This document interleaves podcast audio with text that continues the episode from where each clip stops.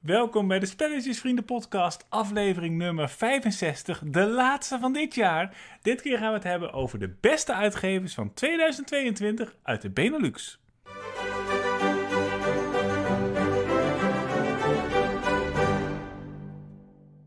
...2022 in een cijfer. 3, 2, 1, go. 9,5. 9,5! Ja,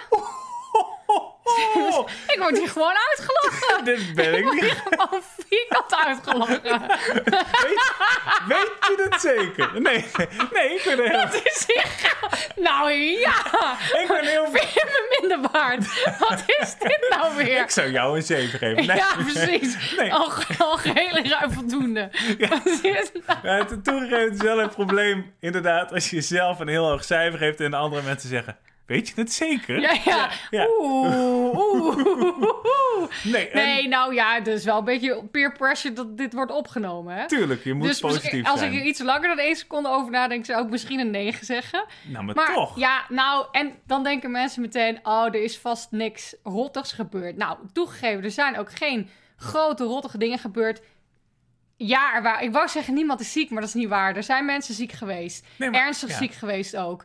Maar dat lijkt goed af te lopen. Dus de, nou, ik, ik tel mijn zegeningen gewoon. Ja, Alle ouders leven nog. Iedereen is, lijkt weer gezond.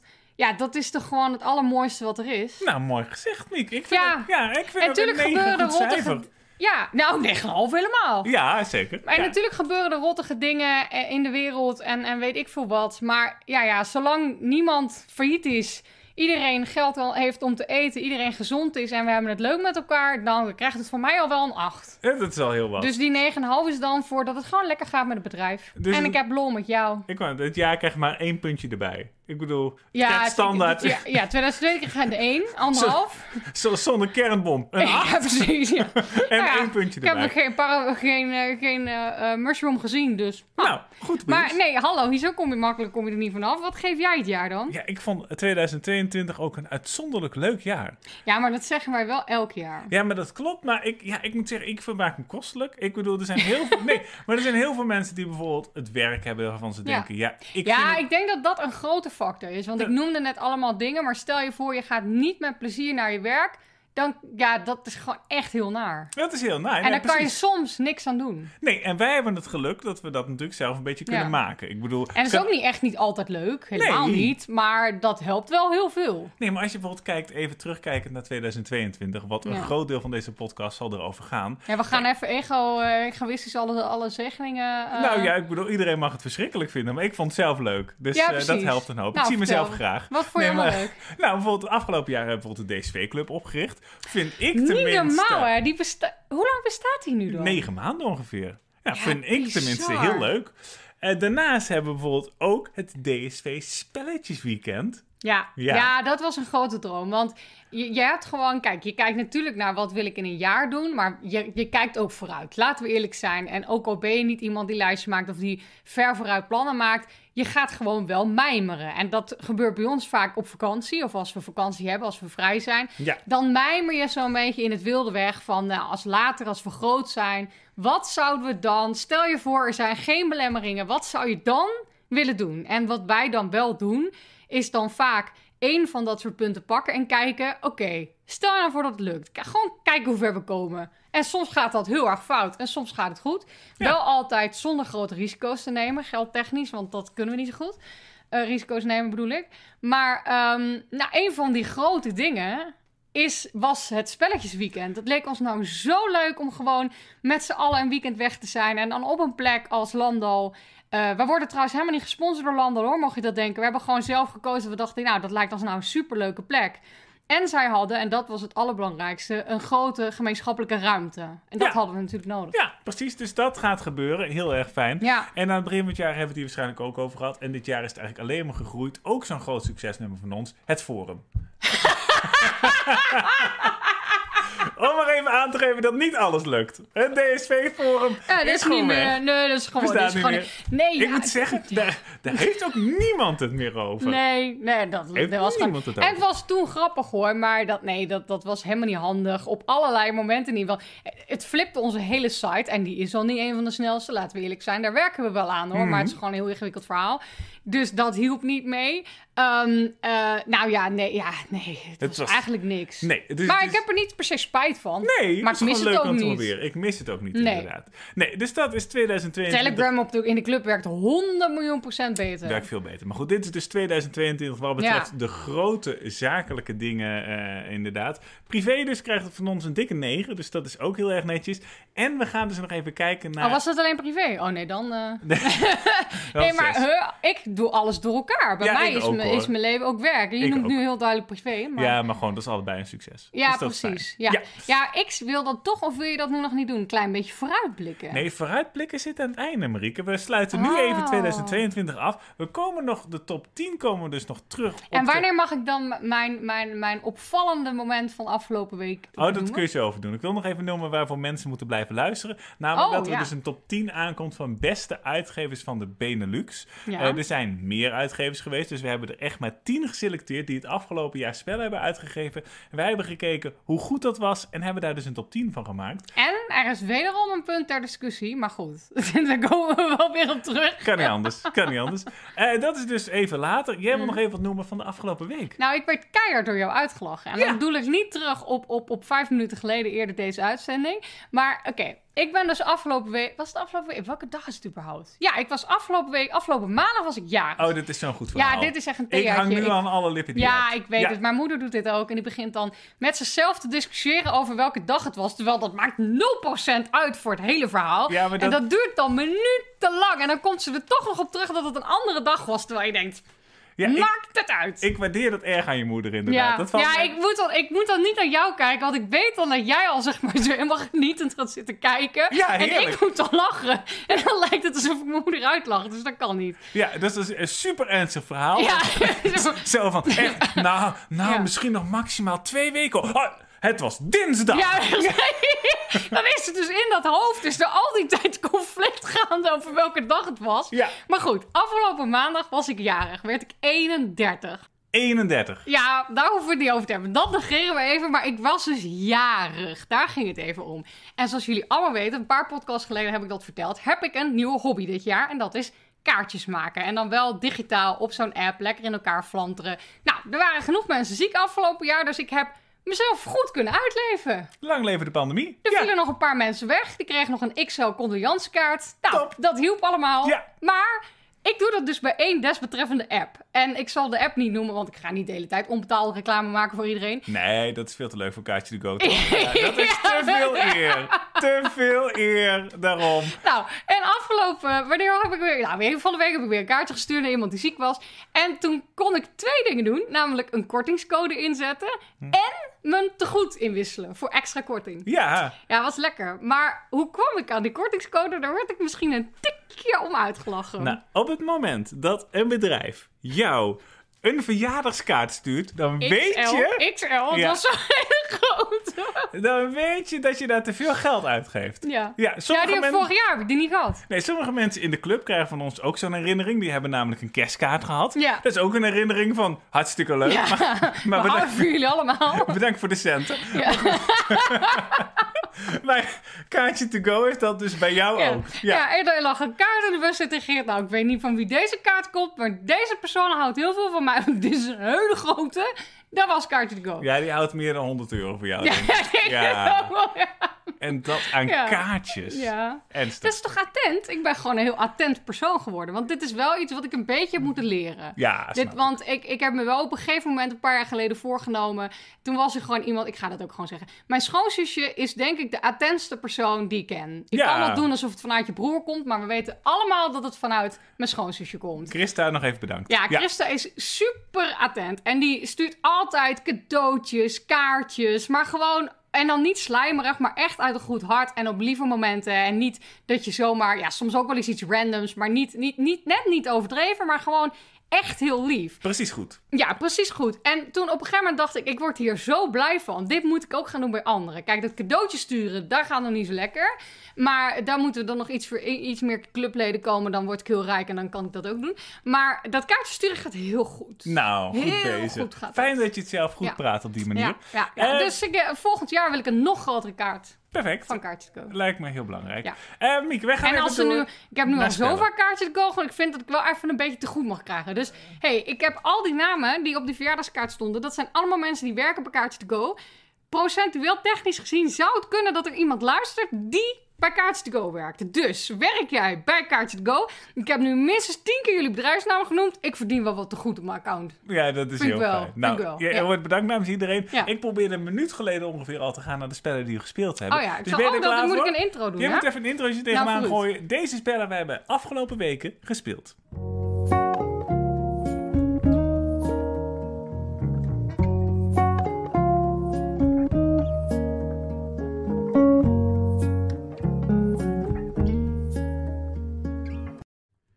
Ik kijk nu naar het scherm en ik zie hier nog meer zelfbevlekking midden in beeld. Ik zie hier namelijk de vlag van de DSP Club. Misschien moeten we dat even uitleggen. Ja, nou, dat heeft alles te maken met de 24 uur live. En mocht je denken, gaan ze nog verder over koetjes en kalfjes? Nee, Nee, dat heeft nee, te nee. maken met het eerste spel dat we de afgelopen weken gespeeld hebben. Dat was namelijk tijdens de 24 uur live. Maar misschien hebben mensen dat gemist, want er zijn ook mensen die echt alleen de podcast Ja, luisteren. nou, wat is het? Het is 24 uur live op Facebook, YouTube en Twitch. En we daarbij proberen zoveel mogelijk geld op te halen voor het goede doel, voor en we KWF. spelen dus 24 uur lang bordspellen, praten over bordspellen, Ja. dat soort dingen. Toen kregen we aan het begin van de 24 live, mochten we een pakketje openmaken Ja. dat we eerder die week hadden gehad. En daar zat dus een vlag in voor Ja. de DSV-club, die daar trots achter ons hangt. Mocht je ook Geen op zorgen, tv kijken. hij hangt er niet voor altijd. We gaan hem denk ik gewoon het Doetinchem verplaatsen. Maar hij hangt er nu nog van de leuk.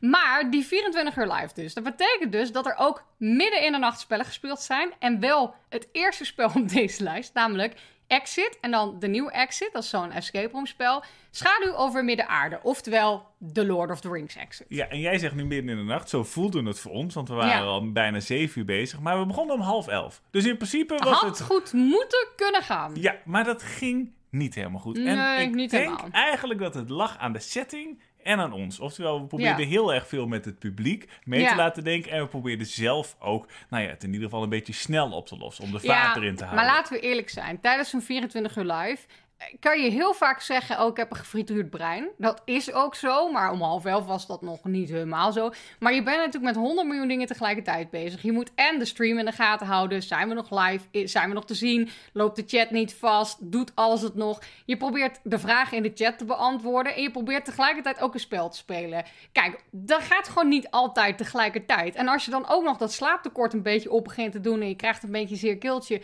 want je bent de hele tijd aan het praten...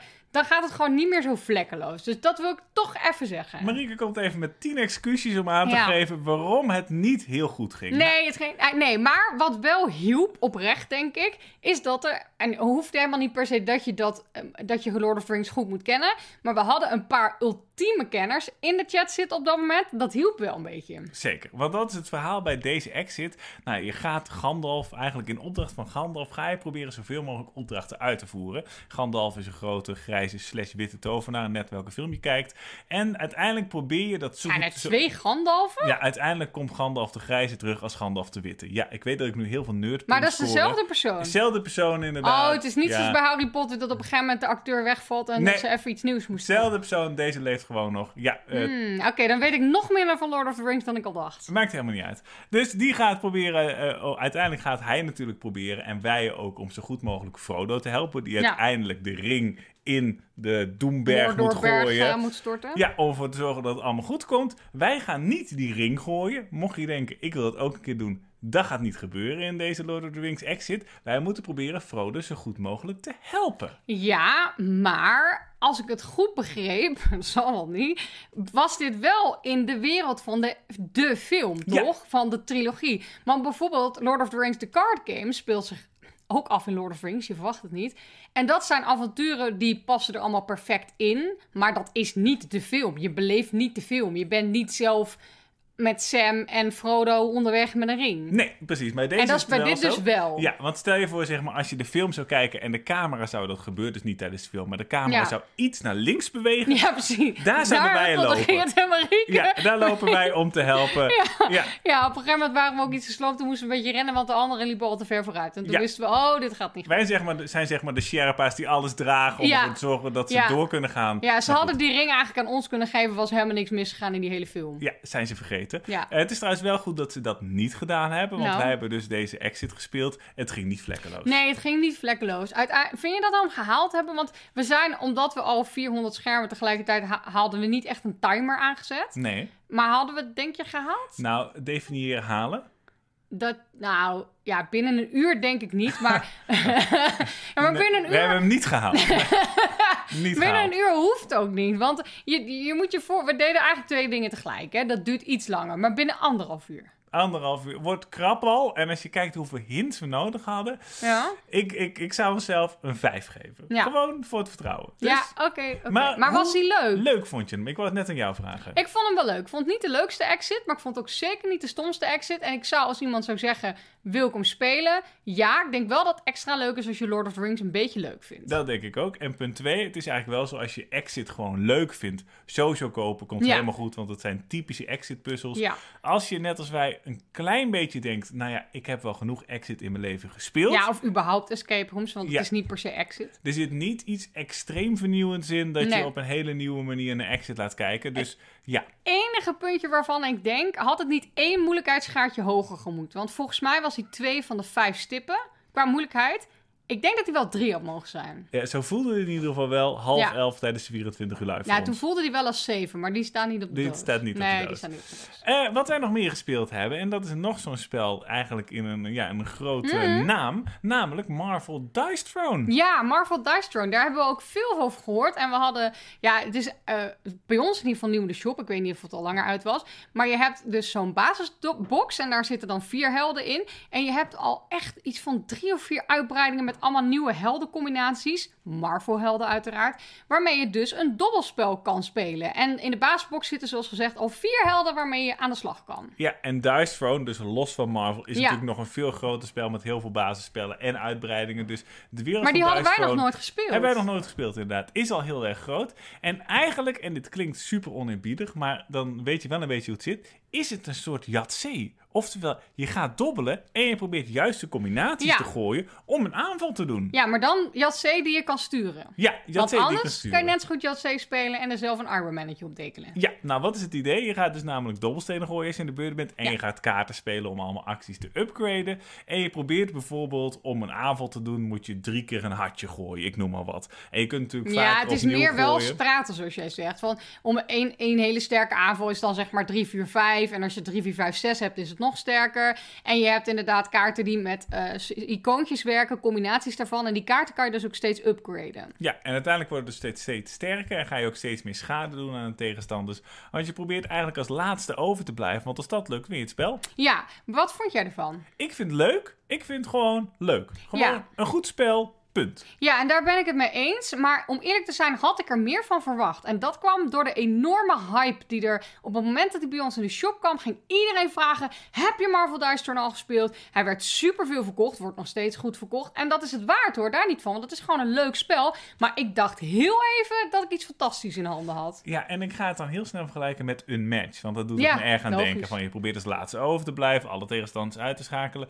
Maar, en dat komt omdat een match enorm op kaarten gebaseerd Mhm. En dit is enorm op dobbel gebaseerd. En ondanks dat ze de geluksfactor behoorlijk hebben weten te, te kleineren eigenlijk, heb ik toch het gevoel dat je bij een match nog net meer ja, de besturing zelf Mhm. in handen hebt. Nog iets meer invloed op uit kan oefenen hoe het precies gaat. Ja, je, met dobbelen zit er gewoon geluk in. Ja. Hoe je het ook went of keert, dat, dat gaat niet anders. Dus daarom vind ik een match toch een stapje beter. Maar goed, stel je voor, je vindt dat juist leuk. Want er zijn ook heel veel mensen die willen een geluksfactor erin. Bijvoorbeeld omdat ze anders nooit winnen van iemand. En dat is super irritant natuurlijk als je altijd verliest van dezelfde persoon. Of omdat ze het gewoon leuk vinden, dan is dit perfect. Ja, precies. Dus En ik vond het leuk hoor, maar het is nou niet meteen dat ik denk, oké, ik wil alle uitbreidingen. Nee, de, gewoon goed spel. Ja. In de basisbox zitten dus inderdaad vier helden die ook een verschil in moeilijkheid hebben. Dus Misschien kunt- dat dat ook de reden is dat er al best wel veel uitbreiding en variatie in de basisdoos zit. Dat je niet per se meteen een hele uitbreidingsset hoeft. Precies. Dus Marvel Dice Throne, gewoon een leuk spel. Gaan we door naar een spel dat net iets meer is dan leuk. Ik Ja. vond hem eigenlijk verrassend goed. Ja. Helsinki. Dit krijgt een veel te laag cijfer op Board Game Geek. What's happening? Was die weer te laat? Heeft er iemand eh, iets raars gezegd? Eh, Ik heb geen idee, maar Helsinki krijgt op Board Game Geek een 6,3. Het is het ja, vervolg snap ik niet. op Kopenhagen, mochten mensen denken, eh, welk spel is dit? En ja, ik moet zeggen, ik vind het zelfs beter dan Kopenhagen. Ik ook. En kijk, het is geen spel wat een 8 of een 9 zou krijgen. Maar het is, zoals wij dan tegen elkaar zeggen, een typische 7. En dat is gewoon een heel goed spel. Want Ja, Misschien denk je bij een 7, oh, het is maar een 7. Maar als je kijkt hoeveel spellen wij gespeeld hebben, meer dan duizend inmiddels, hebben we er zelf en ook beoordeeld, is een 7 gewoon hartstikke goed en gewoon super gangbaar.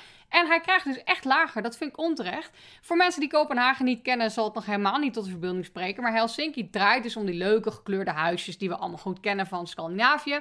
En eh, eh, die, dat zijn Tetris-stukjes en die moet je dus gaan bouwen. Maar wat heel grappig is bij Helsinki, is dat je ze dit keer niet van boven naar beneden laat storten. Zeg maar een beetje classic Tetris. Maar dat ze eigenlijk van elke kant kunnen komen. En dat heeft te maken met waar jouw werker staat. Of ze van boven, onder, links of rechts komen. En dan moeten ze dus ergens tegen aanbotsen. En waar je werker staat, heeft dan weer te maken met twee dingen. Namelijk van welke kant dus dat tegeltje komt. Maar ook welke kaarten je mag pakken. En die heb je nodig om tegels te maken. Ja, want uiteindelijk ga je dus met een werker eigenlijk een rondje lopen rondom het bord.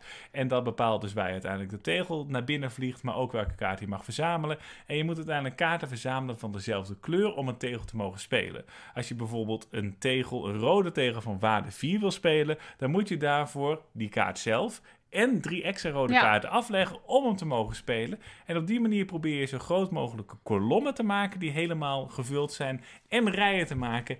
En daarnaast probeer je nog kleine gebouwtjes op tegels neer te zetten. Die staan op een kruispunt van een afgemaakte kolom en een afgemaakte rij. Want dat levert zoveel mogelijk punten op. En dan heb je nog bonusfiches waar je allemaal super sterke extra acties mee vrij kan spelen. Die heel handig zijn. Ja, ik vind het echt leuker en strategischer dan Kopenhagen. Helemaal mee eens. Dus mensen, laat je even niet leiden door de Board Game Geek rating. Nee. Want ik vind die 6,3 echt eh, te laag. Ik Ja, vind vind ik ook. Een 7,5 had wat mij betreft prima mogen hebben. Dus Helsinki, zowel in de deluxe als in de basisversie, prima spel. hey, dan gaan we naar het volgende onderwerp. De mechanismen. We gaan dit keer kijken naar Action Timer. Ach, nee.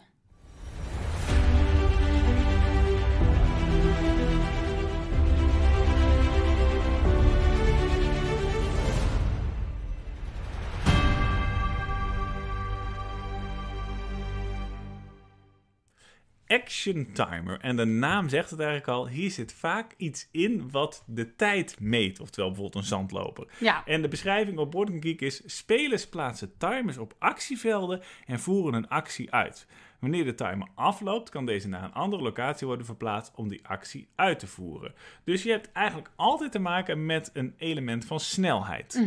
En eh, er zijn sommige spellen die er een beetje mee spelen en die proberen dat iets op te rekken. Het eerste spel is daar een goed voorbeeld van, namelijk Pendulum. Ja. Die probeerde eigenlijk een heel strategisch spel zo om te vormen dat er ook een tijdelement in zit. En dat werd dan gedaan door een zandloper neer te zetten op een locatie. En dat de actie alleen beschikbaar is op het moment dat die zandloper op die locatie staat. Want als die zandloper dan helemaal beneden was, dan mag je de zandloper omdraaien, op een andere actie neerzetten. En dan is die actie beschikbaar. Dus het was hier maar een heel klein onderdeel van het spel eigenlijk. Daarnaast werd de snelheid er eigenlijk ook behoorlijk uitgehaald. Maar Ja. toch is Pendulum nooit een succes geworden. Nee, en dat hadden we eigenlijk met z'n allen van tevoren kunnen weten. Sterker nog, er was al van tevoren een hele hoop kritiek. Want kijk, dit heeft natuurlijk vaak te maken met real-time spellen. En heel vaak, Pendulum is een spel van Stonemaier Games overigens. En mensen zeiden eigenlijk al toen het aangekondigd werd... Oh jee, oh jee, oh jee, oh jee. Welke kant gaat het op?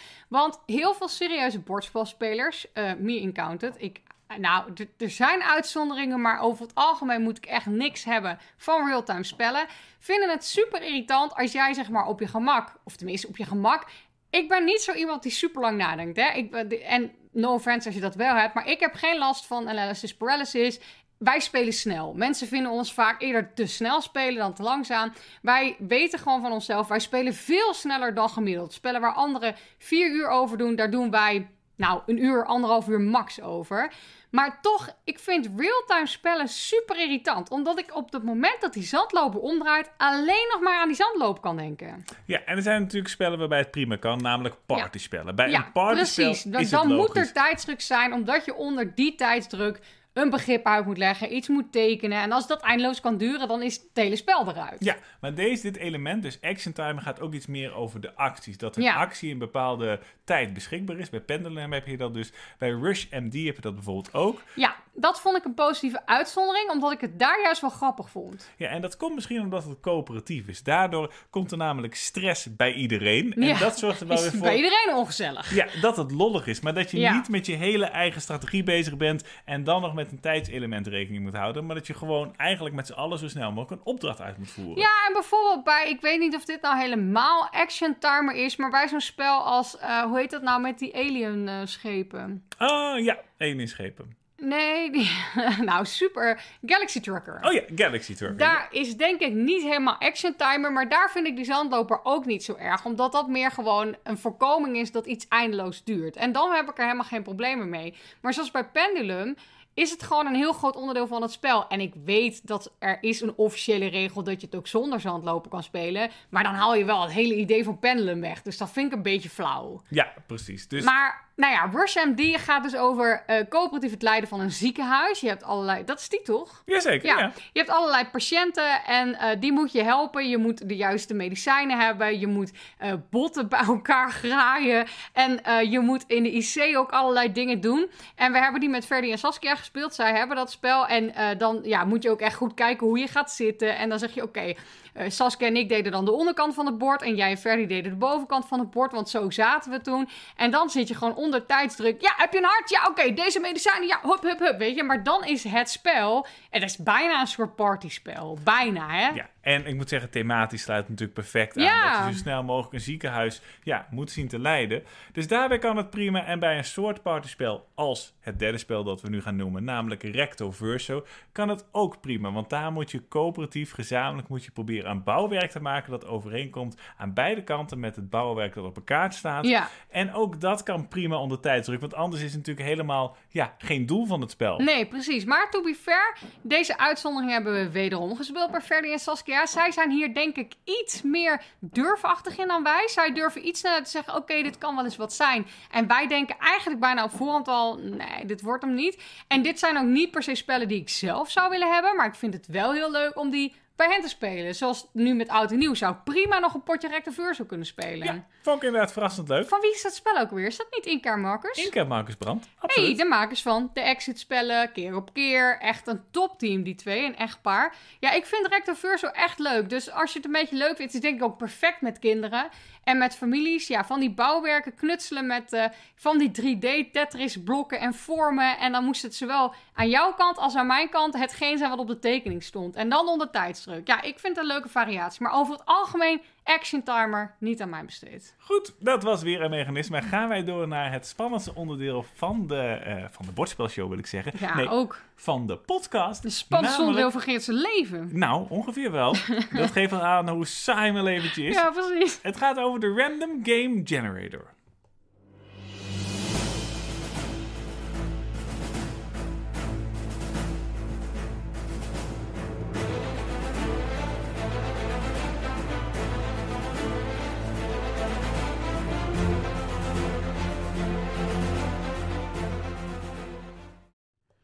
Ja, nou, daar gaan we weer. De BG Stats app is geopend en met de roze dobbelsteen ga ik een random spel uit onze collectie kiezen. Nou moet ik zeggen uit onze collectie, maar hier staan natuurlijk ook spellen in die we zelf niet hebben, maar wel gespeeld hebben. Het zijn er weinig. Er staan in totaal 1060 spellen in. Zo. En wij zitten zelf net over de 1000 nu, hè? Ja, dus we hebben zo'n 50, kleine 50 spellen met uh, anderen gespeeld. Ja, of op beurzen en dat soort dingen. Oké, nou dan gaan we weer. Oh, oh nee. Tabanushi, oh. Builders of Oer. Die haal ik altijd door elkaar met de nu. Welke is nou welke? Tekenu is degene met die, enorme Obelix-ding in het midden. En Tabenushi is, ja, Tabenushi is ook een spel in de T-serie. Je hebt dus inderdaad Tekenu, Tamatsuyi en Teotihuacan onder andere. Ja. En dit is degene die we denk ik het minst gespeeld ja, hebben. Ja, daar. Ik kan nog een keer drukken. Nee, ik oh. wil het hier graag over hebben. Want ik, ik nou, doe je ding.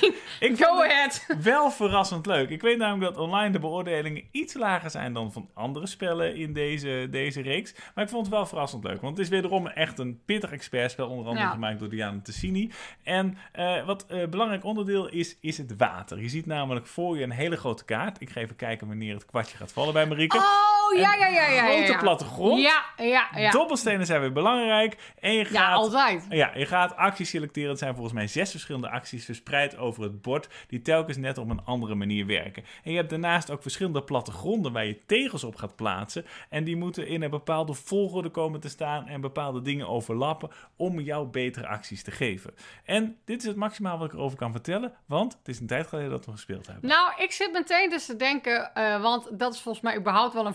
überhaupt worden natuurlijk alle T-spellen veel met elkaar vergeleken. Ehm, maar Tekenu en...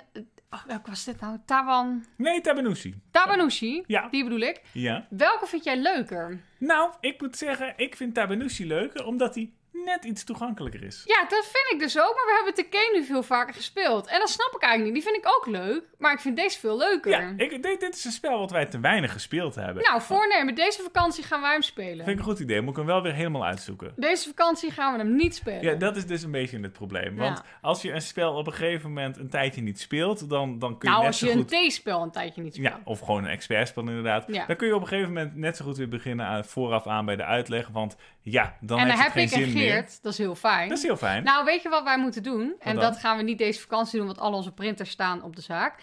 Wat nou echt hierbij helpt, is van die player aids downloaden op Boardcamp Geek. Ja, dat helpt. Dat is Eens. iets wat ik me altijd voorneem, maar waar wij gewoon de tijd niet voor nemen. Is inderdaad heel erg handig. Maar wat ik nog wilde zeggen over dat je dan weer alles opnieuw eh, moet gaan lezen. Dan denk ik ook heel vaak, ja, kan ik net zo goed een nieuw spel gaan Ja, leren. in ons geval. Ja, in maar dat heeft geval. de rest van de wereld toch niet? Nee. Dus Tabanushi, goed spel. Dan gaan we toch even de T-spellen vergelijken. Dus we hebben Tabanushi, we Ja. hebben Tekenu. Deze Ja. hebben we nu behandeld. Teotihuacan Ja, vind ik beter. Ja, vind ik echt fantastisch spel. ontzettend goed. maar het bleek nog beter te kunnen. Ja, vind Ja. je? Tiletoon. Ja, nou, Ja. ik weet niet of ik die beter vind dan Teotihuacan. Ik vind die misschien nog wel een paar procentjes erboven staan. hoor. Ja? Ja, namelijk gloedje nieuw, uitgekomen in 2022. Mochten mensen denken, dit Ja, gaat het is opeens over fantastisch, een heel ander spel. Teotihuacan is ook goed hoor. Is ook goed, maar in Tiletoon, dat gaat over Europa. Dan moet je proberen Mhm. eigenlijk twee soorten bouwwerken zoveel mogelijk op het bord te krijgen. Namelijk van die mooie pilaren en van die huisjes. En die geven weer allemaal extra acties die je uit kan voeren. Ja, ik vind het steen goed en net wat makkelijker dan Hij bijvoorbeeld is net iets gangbaarder. Ja, ja. Ja. het is ook zeker een expertspel, maar hij is net iets gangbaarder. Ja, klopt. Nee, Tiletoon is fantastisch, maar Teotihuacan, ja, het is wel... Het is oude liefde roest niet. Je kunt niet verkeerd kiezen. Dus Nee, als is je nooit zo. een spel gedaan hebt in de T-serie, en er zijn een heleboel, zoek het vooral online Oeh, dan zou ik beginnen met. Tiletoon. Dat Dan is wel de beste instap, denk Is ik. Tiletoon om inderdaad een goede om te beginnen. Ja. En daarna kun je gaan kijken naar Teotihuacan of Tabanushi. We hebben heel kort een woordje van onze suikeroom en suikertante. En daarna gaan we verder met Revive. Dat staat op onze wishlist. Jij weet helemaal niet uit welke podcast dit komt. Jij, luistert, jij zegt suikeroom en suikertante. Ik weet is welke leuke referentie naar iets wat je niet luistert. Ja, maar ik, ik luister Nou? het via jou wel. Wie dan? Naar Mark, Marie en Avet, toch? Ja, heel goed. zeker. Mark Marina vindt iets. Fantastische podcast. Maar goed, die kent de hele wereld al. Ja, maar die hebben echt suikerooms en suikertantes. Ja, en wij zijn het En wij zelf. betalen onszelf. Ja, ja, ja.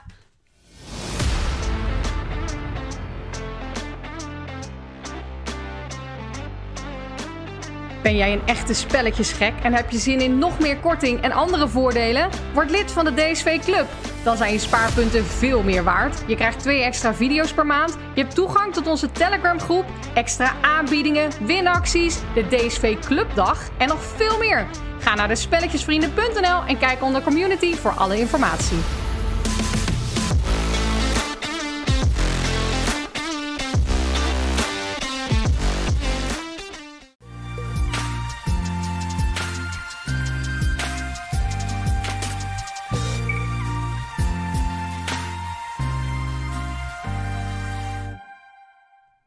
Wist je dat Aar verkozen was als. Ja, nu ga ik het waarschijnlijk niet goed zeggen, want ik heb het in een andere podcast gehoord.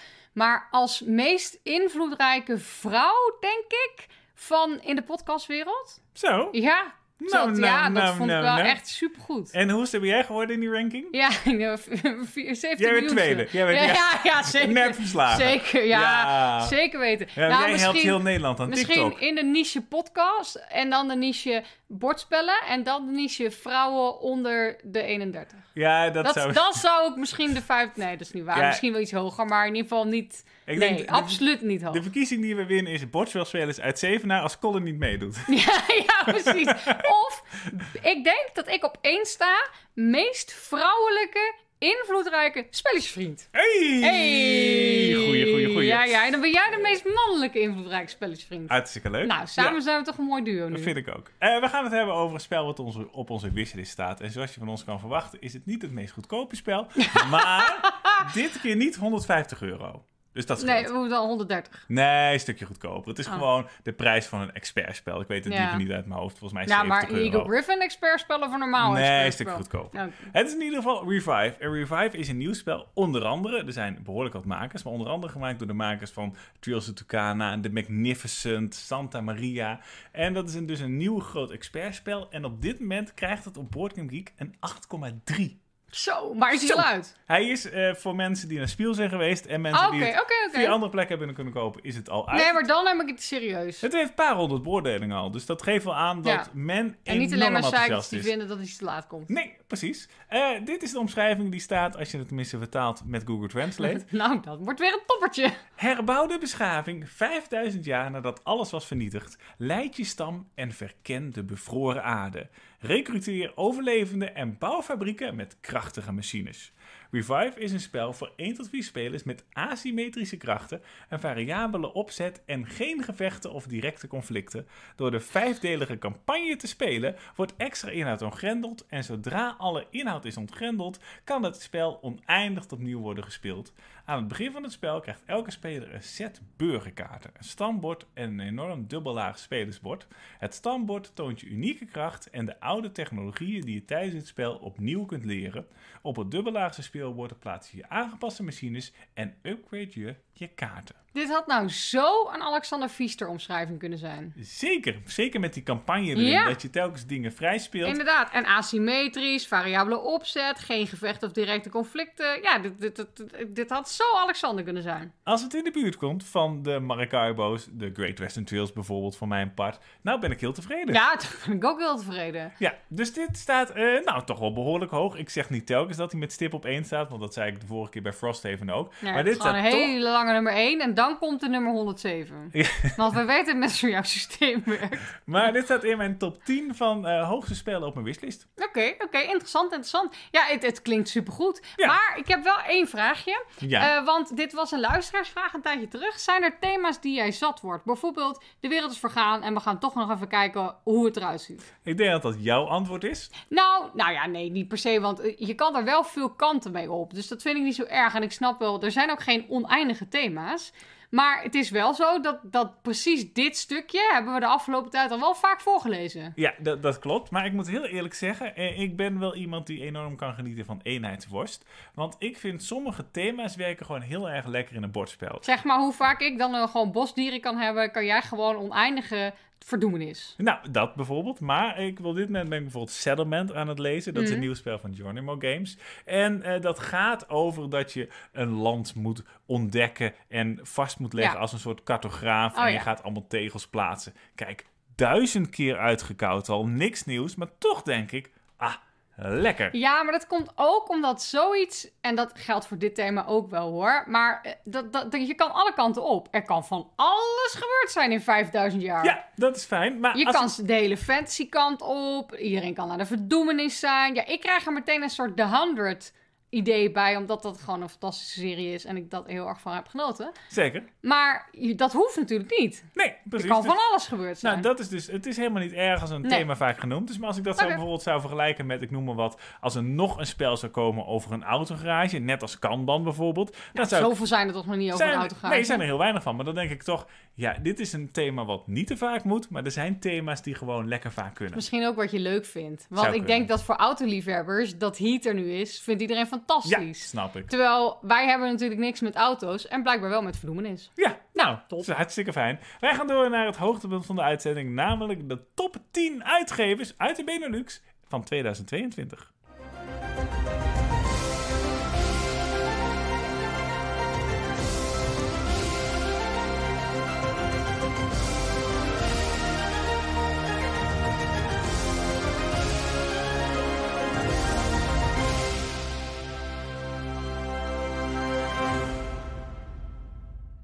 Kijk, we we beginnen langzaam een klein beetje tegen het The Dice Tower probleem aan te lopen. Namelijk dat je de standaard top 10's wel gemaakt hebt. En daarom hele specifieke top 10's gaat maken. Ik vind het een hele leuke top 10. Ik vind ook een hele leuke top 10, maar ik heb er nog wel wat vragen over. Nou, vertel. Vraag 1. Eh, want voor de mensen die het nog even gemist hebben, het gaat dus over de top 10 uitgevers in 2022. Dus niet dat ze gestart zijn in 2022, maar beoordeeld op wat ze in 2022 hebben uitgegeven. Ja, In de Benelux. ja. Want anders zijn dit er, nou, misschien wel een Miljoen. miljoen. Ja, Ja, dat denk ik ook wel.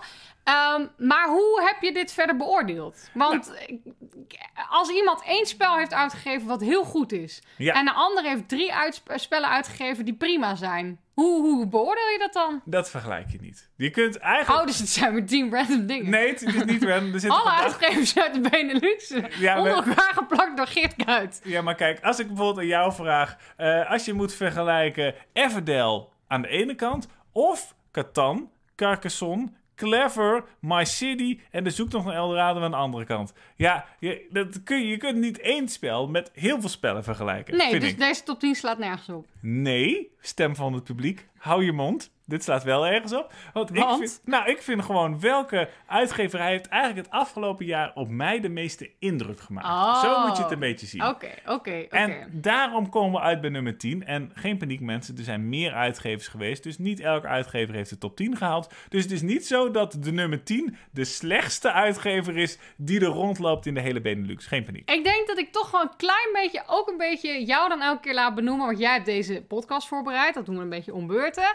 Waarom deze dan op die plek staat. Ja, nou, op nummer 10 staat Jolly Dutch. En om even te kijken wat ze onder andere hebben uitgegeven het afgelopen jaar. Dat zijn bijvoorbeeld de spellen van de Jolly Dutch Club. Bijvoorbeeld Unbeatable Click, speelgoed van het jaar gewonnen. En Lee Tales. Horen die alle drie bij de club? Die horen alle drie bij de club. Ja. Oké, en waarom heb je deze op 10 gezet? Ik heb deze op 10 gezet omdat ze nou toch wel behoorlijk wat spellen uitgegeven hebben. En ook als ik kijk naar de verkopen, zijn echt wel populair. Bijvoorbeeld een Unbeatable, een Click en een Lee zijn alle drie eh, prima verkopende spellen in onze webshop.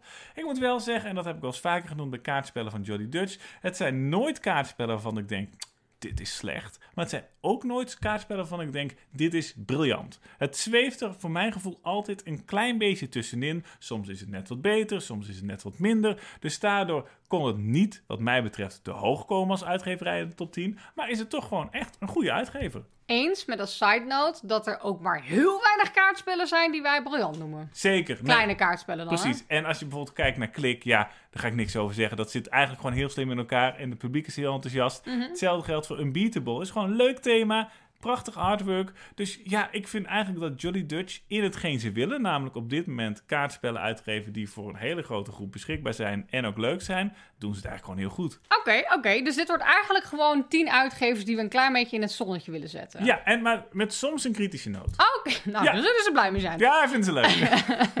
Op nummer 9 staat Quint Games. Ja, precies. En eh, die staat op nummer 9, want het spel wat we zo meteen gaan noemen, wat bij hen uitgekomen is het afgelopen Ja. jaar, is natuurlijk briljant. Ja, Ja. daar snap ik ook niet waarom die op nummer 9 staat. Maar ik heb nog wel meer kritische vragen. Ja. Daar komen we nog wel even op terug. Heel veel zin in. Ja, dat snap ik. Wat ze dit jaar, en ik wou zeggen onder andere hebben uitgegeven, maar het is praktisch het enige, Mhm. is Carnegie. Ja, ze hebben gewoon al hun, al hun troeven gezet op een supergoed expertspel. en dat is ook wel mooi, want vroeger had je natuurlijk Quinnet Games en White Goblin Games die Ja. samen waren.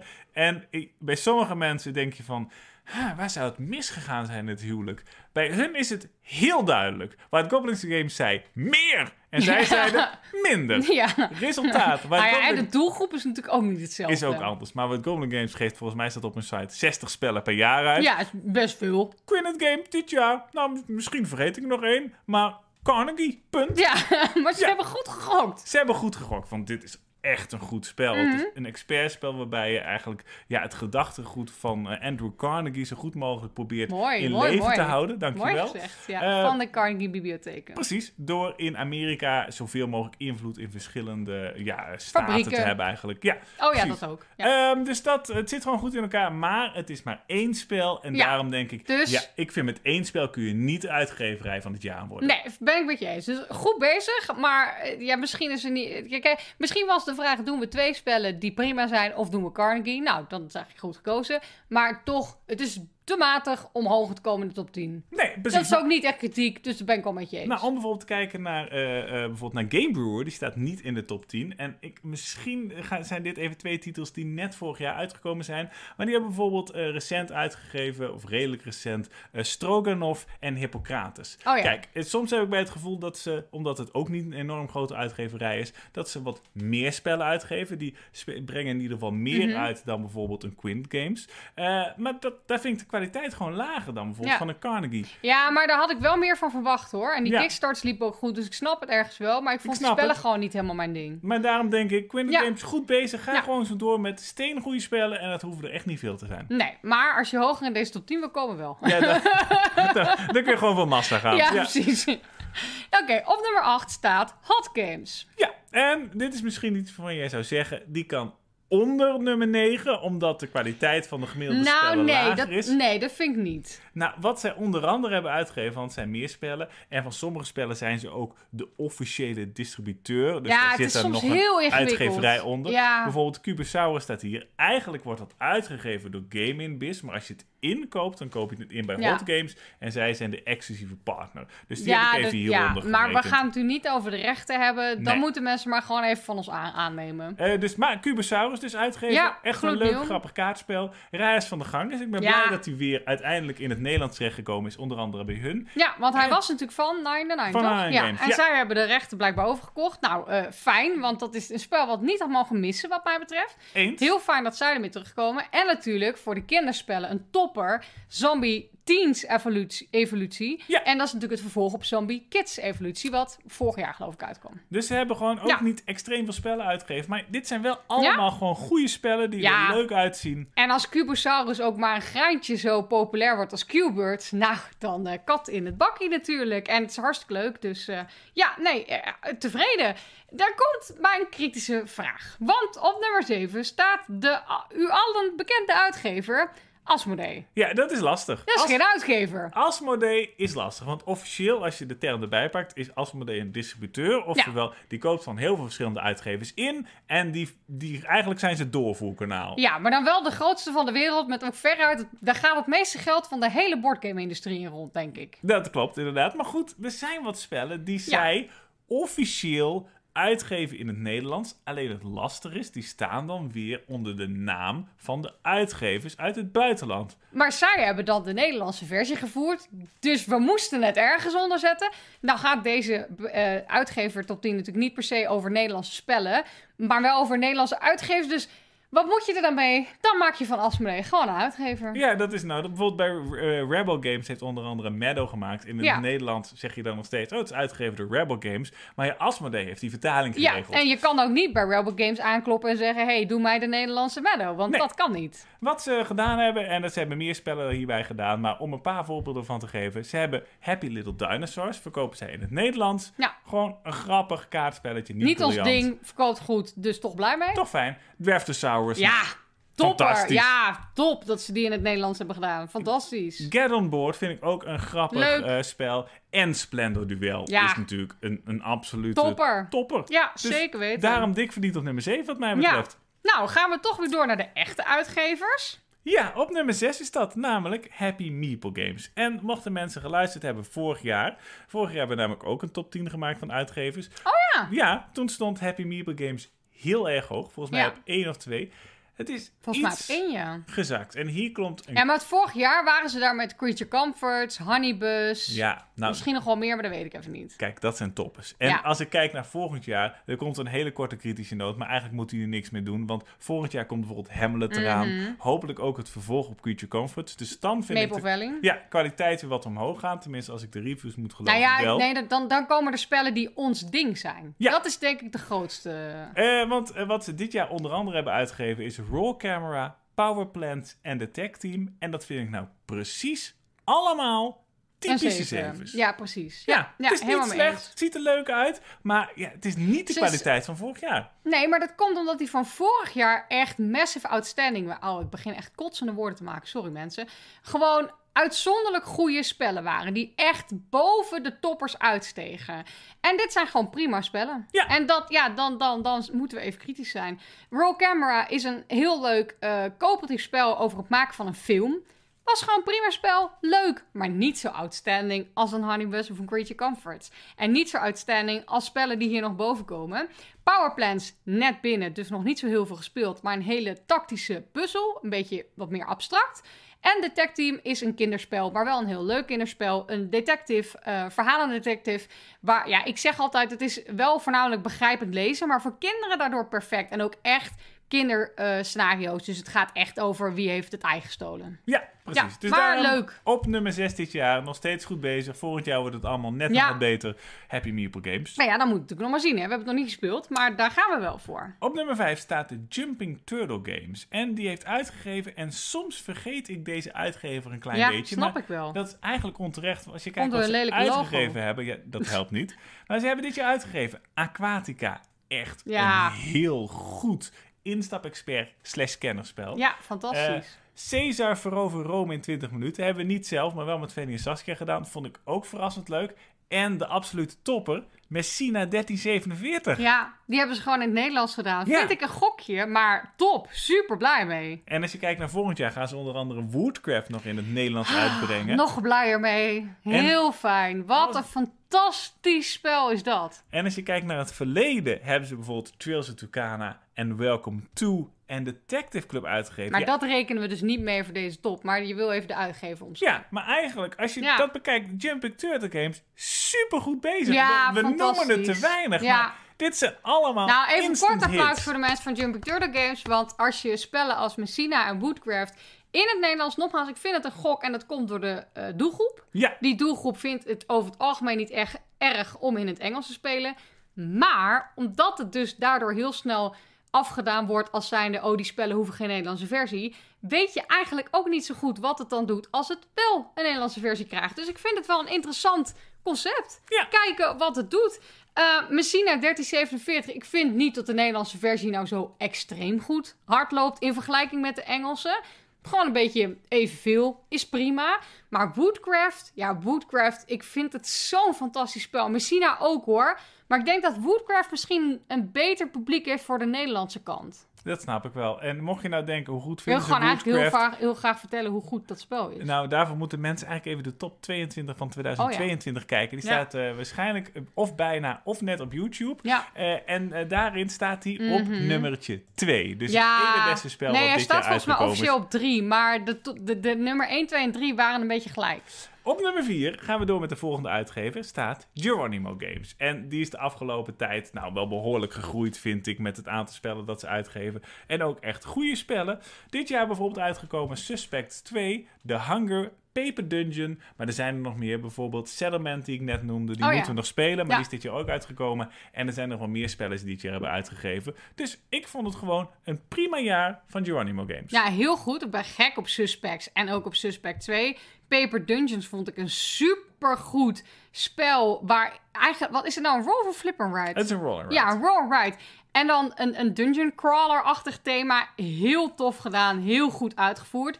De Hunger vind ik ook heel leuk, maar ik ben gewoon verliefd op Clank. En die wint het van mij, dus daarom spelen we de Hunger eigenlijk bijna nooit. Maar als ik het zo zie, twijfel ik toch een beetje welke ik nou beter vind. Jumping Turtle Games of Geronimo Games. Wat mij betreft mogen ze op een gelijke plek. Snap ik. Gedeelde vierde plaats voor beide. Ja, ik vind het... Ja, ja, precies. Ja, ik vind... Nee, het is echt heel erg goed gedaan. Dus ga zo door. Niks om aan te merken. Vorig jaar weet ik nog dat we een beetje kritisch waren op 99 Games. Toen zeiden we, jullie zitten onderaan het top 10, omdat we het jullie uitgegeven hebben. Vond ze vast belangrijk. Ja, nou, Dat ze nou, daar moeten we even wat aan doen. ze hebben er wat aan gedaan. Want Ja. dit jaar hebben ze uitgegeven. Speciaal voor ons natuurlijk. Wingspan Azië, Ja. Fantastisch.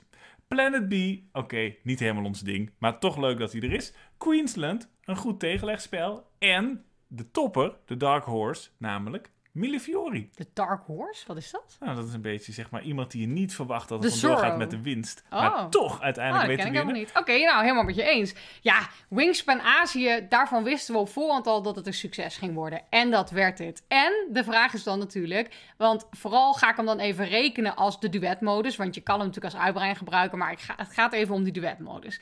Als je die ziet en je weet, oké, Wingspan kan je prima met z'n twee spelen, was natuurlijk de grote vraag, is het het waard? Nou, ja, ik vond het echt te gek. Ze hebben het echt heel goed gedaan. Ik vind het veruit de beste uitbreiding tot nu van Wingspan Azië. Hij loopt goed, hij is populair, wij zijn enthousiast, niks meer aan doen. Nee, precies. En daarnaast Mille Fiori, dus een nieuw spel van Reiner Knizia, wat ook echt goed loopt en goed speelt. En Leuk terecht. gedaan. Terecht. Echt heel leuk. Hoe noemde ik het ook alweer? De liefdesbaby tussen Azul en... En Was zo'n leuke gelijking. ik weet niet wie de partner was die ook in bed lag, maar daar moet je even nog een paar podcasts voor Clever, terugluisteren. denk ik. Zou kunnen. Ik zou het nu de liefdesbaby tussen Clever en Azul noemen. Dat, dat omschrijft het wel, vind ik. En daarnaast hebben ze ook Queensland uitgegeven. En dat Ja. hebben ze helemaal zelfstandig gedaan. Dus dat is ook nog een dikke props. Is dat zo? Ja, precies. Zij zijn de officiële uitgever van Maar- Queensland. Voor mensen die niet weten hoe dat werkt, dat betekent dus dat eh Millefiori is er ook in andere talen. En dan is het dus bij een andere uitgever. Bij Queensland is dus de maker van het spel, ik weet even niet wie dat is, naar 99 Games gezegd. Die heeft gezegd, kijk, dit is mijn spel, willen jullie dit maken? En 99 Games zei, ja, goed idee. Ja, ik weet niet 100% hoe het zit met de rechten, maar... Nee, ik- ik misschien is het inmiddels ook wel weer Ja, anders. maar ik neem aan dat op het moment dat je denkt... hé, hey, ik wil graag een Franse versie maken van eh, Queensland... dan Ja. denk ik dat je als eerst naar 99 Games moet. Of naar de maker van het spel. Dat weet Ja. ik allemaal ook allemaal niet. Dus maar dat goed, is, eh, maakt het niet uit. Leuk in ieder geval heel goed gedaan. Want het is ook gewoon een heel leuk familiespel, tegenlegspel. Over die padden in Australië. We hebben het er al vaker over gehad.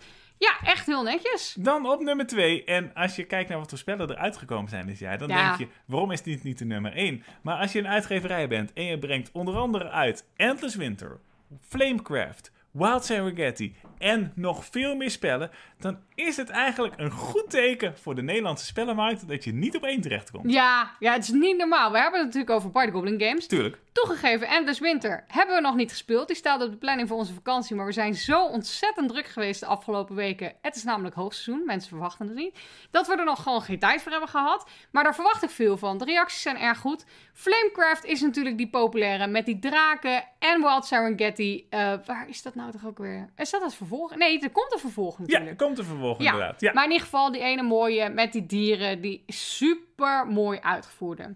En toch denk ik nu, eigenlijk moet het nu een gedeelde derde plek worden. Want is dit dan beter dan een Messina 1347? Ja, Woodcraft mogen we nog niet meetellen, hè? Ja, en je moet ook even meerekenen, vind ik, dat White Golden Games nog veel meer spellen het afgelopen jaar heeft Ja, je hebt er uitgegeven. nu een paar genoemd. Ik heb er een paar uitgepakt, inderdaad. Maar ja, Vooruit. zij hebben natuurlijk eigenlijk, als je kijkt naar dit jaar, en die had erbij moeten staan, ben ik gewoon even vergeten, moet je rekenen. Ark Nova hebben ze dit jaar ook uitgegeven. Oké, Ja, no ja. questions. Ja, Cascadia is dit jaar ook uitgekomen. Dat Oh, staat niet oh. eens erop. Moet je rekenen hoeveel goede spellen ze dit jaar hebben uitgegeven. niet normaal. Ja, en dus- toch denk ik dat ik, dat ik dat ik het er mee eens blijf dat het de nummer 2 wordt. Ja, nou, de nummer 1 en de reden dat deze op nummer 1 staat. Ik vind namelijk, zij hebben een enorm grote gok genomen. Ja. Ze hebben iets gedaan waarvan ik nu zeg, eh, andere uitgeverijen van Nederland, let even op, ga hetzelfde doen. Niet met z'n allen, want Ze dan is het speciale eraf, maar Het toch. tegendeel bewezen. Ja, ze hebben namelijk bewezen dat het kan om een extreem groot verhalend spel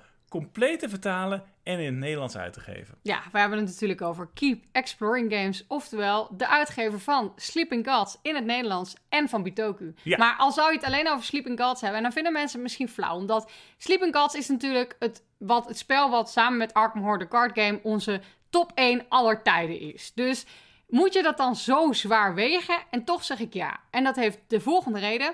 Het is echt een grote gok geweest die zij hebben genomen. En die heeft zo ontzettend goed uitgepakt. Het wordt namelijk al jaren geroepen in de bordspelwereld dat eh, waarom. De vraag is altijd: waarom worden grote verhalende spellen niet in het Nederlands uitgegeven? En die vraag wordt denk ik het allermeest gesteld over Gloomhaven. En nou ja, het spel dat natuurlijk al jaren op de nummer 1 staat in Boardgame Geek. Super episch, enorm groot, enorm duur. En het is daardoor heel vaak voor mensen gewoon een beetje een drempel van... en hij is ook nog in het Engels en er zit veel verhaal in. Ingewikkeld, ingewikkeld. En een van de, de, de argumenten die dan gezegd wordt... behalve dan het is heel duur om te maken... want hij is gewoon, het is gewoon heel veel en heel duur... is er moet superveel vertaald worden. En dat is heel duur, want dat moet een vertaler doen. Dat moet weer honderd keer gecheckt worden. Weet ik hoe dat allemaal werkt, maar in ieder geval, dat is heel duur. En dat wordt vaak ge- gezegd als argument, als een van de argumenten... waarom dat dan niet wordt uitgegeven. Sleeping Gods heeft nog veel meer verhaal dan Gloomhaven. Dat is bijna een boek. Nou, Ja. dat is niet bijna een boek, dat is een boek. Ja, precies. Dus dat is extra knap, want het draait Ja. daar helemaal om het verhaal. En dat had heel erg fout kunnen gaan. Het had heel erg fout kunnen gaan. het valt en staat met het verhaal. Ja, maar het blijkt ook maar dat het echt een succes is. Dit verzinnen we niet zelf. Nee. Want het is afgelopen jaar in onze webshop het best verkochte spel geweest. Ja. Daarnaast, als je het complete pakket bekijkt, want ze deden ook nog, ook nog een gok. Ja, ja. Daarnaast tegelijkertijd de beide uitbreidingen allemaal En accessoires. de battle map, en de metalen munten, en, en, en, en, en. Ja, Ik als je blij dat- dat ik die rekening niet heb hoeven betalen. Nou Als ja, je dat eigenlijk wel, maar eh, niet van alles. Als je dat complete pakket eh, zou willen kopen, dan Mm. moest je 135 euro neertellen. En ik vind het uitzonderlijk dat dat, Ja. nou ja, heel vaak gedaan is. En dat mensen gewoon dat ervoor over hebben, want dat is ook uitzonderlijk. En weet je wat uitzonderlijk is? Dat er zoveel mensen enthousiast over zijn. Ja. Want natuurlijk is het niet iedereen zijn spel. Dat kan ook niet. Er is geen enkel spel wat iedereen fantastisch vindt. Maar er, het wordt gewoon lovend ontvangen. Ja, Toch? Ik bedoel, terecht. daar kan je niet anders over zeggen. Het is echt, echt, het wordt echt heel goed ontvangen. En eh, nou, het is al lang uitverkocht.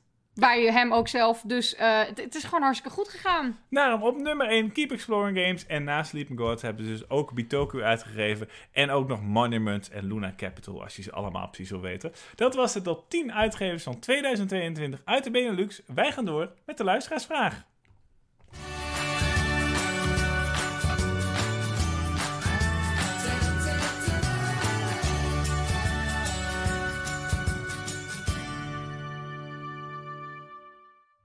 We hebben twee vragen, want de eerste is heel kort. Matthijs vraagt namelijk meteen een vraag voor de podcast van mijn kant. Om ook ervoor te zorgen dat jullie de uitslag gaan bespreken natuurlijk. Wat is jullie favoriete spelerskleur? En hij heeft het over de uitslag. En daarbij bedoelt hij natuurlijk de vraag die we stelden om de top 22 van 2022 samen te stellen. Toen iedereen zijn of haar favoriete bordspel moest delen. We hadden wat extra vragen. En één daarvan was, wat is jullie favoriete spelerskleur? Nou, om die even te beantwoorden. Mijn favoriete spelerskleur is duidelijk rood. Eh, ik vind niet eens per se de mooiste kleur, maar het is de kleur die er eigenlijk altijd in zit. Dat is heel praktisch. En ik wil gewoon altijd met dezelfde kleur spelen. Want ik, ben, ik vind het echt moeilijk als ik een keer geen rood ben. En niet omdat ik zo graag rood wil zijn, maar omdat ik dan dus met het rode poppetje ga spelen. Ja, en dat gebeurt Terwijl ik dan echt. niet rood... Ja, dan Ja. ga ik de verkeerde poppetjes verzetten. Dus ik moet gewoon rood zijn, want anders dan ga ik het hele spel overhoop gooien. Ja, ik heb dat iets minder, maar ik heb het bij twee kleuren die ik gewoon fijn vind spelen. Namelijk blauw en, men denkt mijn favoriet toch wel, is groen. Maar als het een andere kleur is, maakt het me ook niet zoveel uit. Maar hoezo vind je die dan fijn spelen? Ik vind gewoon groen een vrolijke kleur. Ah, Oké. Als ik buiten loop, denk ik, als het groen is, is het goed. Nou, dat is. Nou, prachtig. En men is dat niet helemaal met ons eens, want de Nee. favoriete spelerskleur van jullie, met 24% van de stemmen, is blauw. Ja, vind ik grappig. Ik, ik, speelt er iemand in onze groep blauw? Nou, niet altijd. Nee, bijna nooit. Nou ja, op nummer 2 staat rood, 20%, die had het toch goed. En op nummer 3 een gedeelde derde plek met allebei 40% van de stemmen, groen en geel. Ja, vind ik grappig. Want heel veel mensen zeggen dan vaak, ja, ik wil roze, maar die zitten bijna nooit in. Nee. Dus je komt dan toch vaak wel uit op die kleuren die er altijd wel in zitten. Ja, grappig. Maar inderdaad, ik ken bijna niemand die blauw speelt. Dan Linda, die had ook nog een vraag. Die zegt, een vraag voor in de podcast. Wat doen jullie als iemand een pre-order heeft besteld samen met een spel wat op voorraad is? Zetten jullie dan het spel op voorraad al aan de kant? Of doen jullie de hele bestelling pas als de pre-order geleverd is? Ik vind het zo'n grappige, specifieke vraag. Dit is heel specifiek. Want 90% Alle andere mensen denken, ja, kan mij het schelen. Ja, nou precies. Maar goed, op je vraag toch even beantwoorden, Linda. Eh, we doen dat laatste. Oftewel, op het moment dat de pre-order binnenkomt, pakken we alles en dan verzenden we het. Maar waar blijft het dan als iemand hem besteld heeft, maar wordt dus nog niet verzonden? Ja, dan blijft het gewoon in ons magazijn. In ons magazijn staat bijvoorbeeld op dit moment nog een exemplaar. Ik zag hem vandaag staan. Van Transmission staan. Oeh, zeg maar niet hard. Nee, nee, dan wordt hem overvallen. ja, denk het ook, ja. Want die is dus heel slecht leven daar op dit moment. Nou, ja, gewoon niet. Gewoon niet. Maar iemand heeft hem in een bestelling staan. En ergens zit het in de brei van bestellingen die nog openstaan. Ja. Dat er heel veel pre-orders zijn natuurlijk. En daardoor staat hij nog in ons magazijn. Maar kun je hem niet kopen. Nee, en dat is wel, dat wordt wel erger, omdat er zoveel spellen zijn die zo erg vertraagd zijn. Ja. Want normaal gesproken ging het dan over een paar maanden hooguit. Maar inmiddels zijn er natuurlijk spellen die gewoon, weet ik veel, waar mensen al een jaar op wachten. Ja. Dus dan kan het dus zijn dat wat jij daarbij besteld hebt ook al een jaar in ons magazijn staat te wachten. Ja, dus geen paniek. Als je denkt, hé, hey, ik heb iets besteld met een pre-order. En het is nu uitverkocht. Ben ik te laat? Nee, we houden natuurlijk wel je exemplaar achter. Ja, nou, dat doet het systeem hoor, dat ga ik niet tellen. Zeker niet. Nee. Ehm, dit was de podcast voor deze keer. We gaan aan het einde, na de outro, nog heel even vooruitblikken. Ik wou zeggen terugblikken, maar Nee, vooruitblikken. dat. Op 2022, 2023. ja, dat wordt weer wennen. Oh, dat wordt wennen. Ja, ik heb het nu al moeilijk. Ik ben al bijna niet gewend tot 2022. Nee, dus eh, blijf erbij. Bedankt voor 2022. Het was een fantastisch jaar. En lieve groetjes.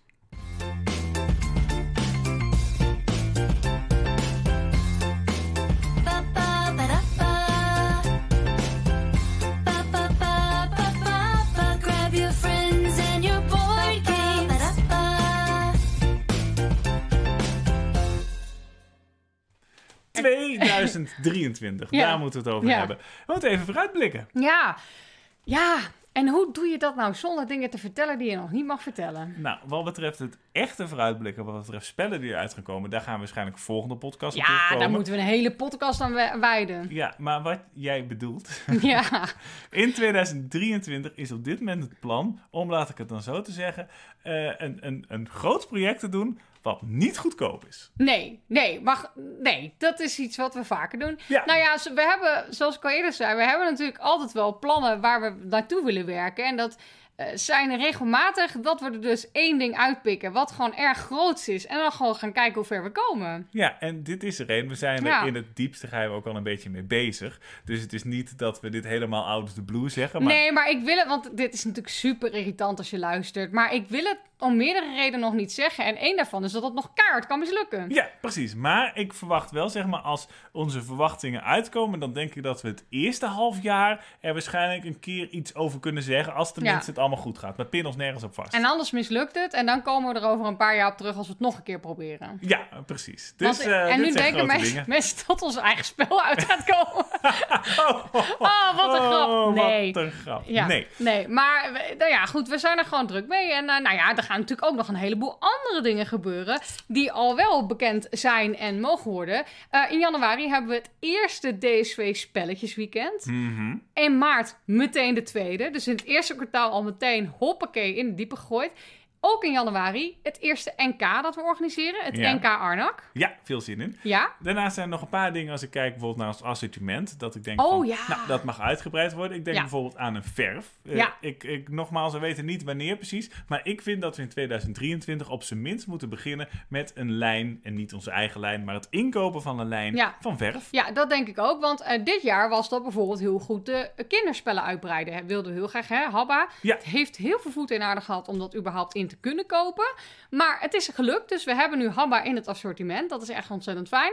Eh, maar inderdaad, de verf, die, eh, ja, dat, dat staat wel... eh, en voor mensen die nu denken verf. Maar het gaat dus om verf om miniaturen mee te schilderen. Ja. Bordspelminiaturen. Hopelijk gaat het uit de verf komen. Ja. En voor de rest zijn er vast ook ik nog... zag jou al lachen. Ik dacht al, wat gaat er komen? Maar ja, dat was het dus. ik dacht, ah, dit Ben je er leuk. trots op? Ja, hier ben ik behoorlijk Oh, trots fijn. op, moet ik zeggen. Ja, dit maakt van mij in 2022 toch nog net een 10. Hè? Heb je nog persoonlijke plannen dit jaar? Persoonlijke plannen? Nee, niet echt, moet ik heel Het zou eerlijk best zeggen. kunnen dat we dit vorig jaar ook gezegd hebben. Nee. In dat geval is het echt erg, maar ik hoop toch wel dat we het huis afkrijgen. Ja, dat hoop ik ook. We, we hebben een beetje hulp, dat, dat maakt ja, we hebben hulp. We, we wonen in een huurhuis en we, we- het was eigenlijk vorig jaar of anderhalf jaar geleden de vraag: gaan we een huis kopen? Of gaan we dit huis opknappen? Want het behang kwam letterlijk van de muren. Nibbit kaarten, dat is jouw schuld. Mhm. Ehm, dus het zag er echt niet uit. En daar, dat was eigenlijk de vraag. Nou ja, toen stortte de huizenmarkt zodanig in dat we dachten... Ja, wij gaan echt geen huis kopen. Ehm, dus wij wonen nog steeds in ons huurhuis. Maar het wordt nu wel een mooi huurhuis. Ja, precies. Dus ik, ik neem aan dat we dit Ja. jaar, zeg maar, de verbouwing die we doen, dat voornamelijk Ja, maken met is- verven. Ja, precies. Dat is een groot woord, maar overal behang eraf. Alles verven, de muren, de kozijnen, de radiatoren. Eh, nieuwe meubels, toch ook wel heel erg. Daar hebben we natuurlijk heel lang voor gespaard. Kijk, het, het voordeel van dat het zo lang duurt... is dat je ook veel tijd hebt om te sparen. Ja, Dat precies. Dat helpt een hoop. Dus maar dat, ik hoop eh, wel dat het dit jaar afkomt, want anders dan eh kun je beter verhuizen. Nou ja, dus dat was 2022. Daar gaan we Ja. in 2023 mee door. De grootste plannen gaan we zeker nog op Zeker. terugkomen. Maar verwacht het niet in de eerste weken van het nieuwe jaar. Nee, nee, nee. Doe allemaal voorzichtig met vuurwerk. Mocht je nog oud en nieuw moeten gaan vieren. Ja, je hebt je klauwen nodig om bordspellen te spelen, mensen. Precies. Lieve groetjes. Bedankt voor het luisteren. En een heel fijn uiteinde. Weet je waar ik nou benieuwd naar ben? Want dat heb ik dus begin vandaag gedaan. Als we dit nou volgend jaar terugluisteren, Oh. hoeveel er dan van is uitgekomen? Ik denk alles. Ja? Nee. Oh.